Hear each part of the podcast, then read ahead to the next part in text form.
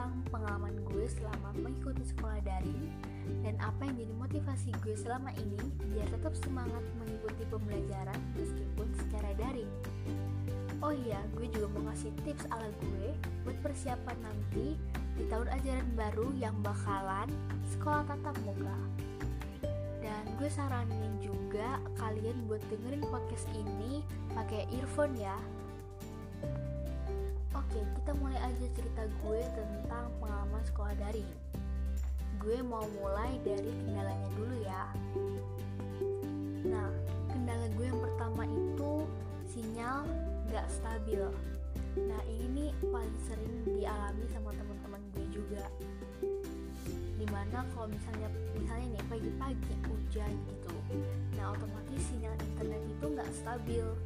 Nah, pas nggak stabilnya itu entah suara guru lagi jelasin putus-putus atau tiba-tiba kamera kita nge-freeze dan masih banyak lagi kendala-kendala lain.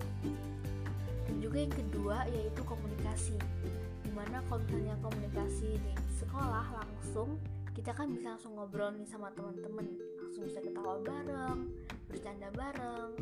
Tapi kalau misalnya sama daring kita cuma bisa lewat chat. Dan itu pun nggak seintens kalau kita lagi ketemu langsung dan yang ketiga buat gue pribadi yaitu pemahaman materi. Di mana gue tuh tipe orang yang nggak bisa langsung sekali dijelasin langsung ngerti. Gue harus bisa dijelasin berulang kali baru bisa ngerti gitu. Nah dari cerita gue tentang kendala ada juga nilai plus yang gue dapet dari sekolah daring. Misalnya nih yang pertama banyak waktu luang buat ngerjain hobi di mana selama pandemi ini gue punya hobi baru yaitu melukis. Di mana kalau gue lagi stres gue lagi ngerasa capek banget buat sekolah gue istirahat sebentar terus melukis ngeluapin apa yang gue rasain apa yang gue pikirin. Dan yang kedua kita bisa bebas ngerjain tugas kapan aja. Misalnya kita punya tugas prakarya deadline-nya satu minggu. Kita bisa ngerjain kapan aja jam berapa aja sesuai keinginan kita. Kalau misalnya kita sekolah langsung kan kita misalnya dari pagi sampai siang itu di sekolah baru pulang. Habis itu belum lagi ada ekskul jadi bagi waktunya itu lebih susah. Dan yang ketiga kita bisa belajar di mana aja. Kalau kita di sekolah misalnya bosen di kelas nggak mungkin dong kita minta ke guru pak bu kita bosen di kelas kita mau belajarnya di taman. Itu kayaknya jarang guru yang bakal mau gitu ya tapi kalau misalnya kita di rumah kita bisa bosan di kamar belajarnya kita bisa belajar di teras kita bisa belajar di taman rumah dan masih tempat-tempat lain yang sekiranya bikin kita nggak bosan dan gue juga mau sharing motivasi gue biar tetap semangat mengikuti pembelajaran daring. Yaitu kalau gue selalu ingat prestasi dan pencapaian gue di kelas 7 yang bakalan terbuang sia-sia kalau di kelas 8 gak gue pertahanin dan sebisa mungkin gue tingkatin juga. Dan juga gue inget kalau nilai kelulusan itu diakumulasi dari kelas 7 sampai kelas 9 jadi sebisa-bisa mungkin gue meningkatkan dan mempertahankan nilai-nilai gue biar nanti di kelulusan gue bisa dapat nilai yang bagus. Itu tergantung dari masing-masing orang sih motivasinya apa.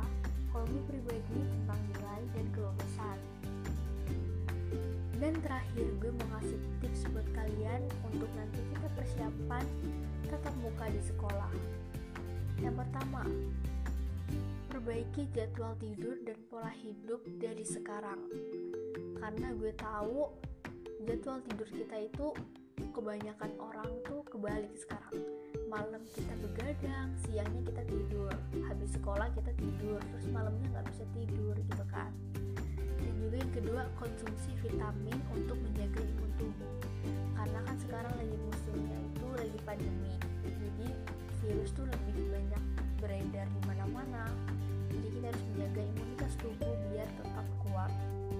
Yang ketiga persiapkan diri untuk selalu fokus memahami materi.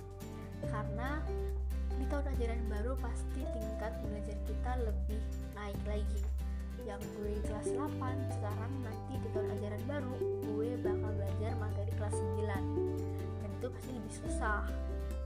Dan yang terakhir yang buat gue ini juga cukup penting yaitu adaptasi dengan situasi lingkungan sekolah dengan segala protokol kesehatan yang harus kita patuhi. Kita sekolah masih dalam masa pandemi jadi protokol kesehatan wajib kita patuhi entah itu memakai masker, menjaga jarak, selalu mencuci tangan, dan lainnya. And yeah that's all. Itu cerita gue semoga bermanfaat. Dan bisa kalian ambil sisi positifnya dan buang jauh-jauh sisi negatifnya. See you soon di podcast gue selanjutnya. Terima kasih sudah mendengarkan. Bye bye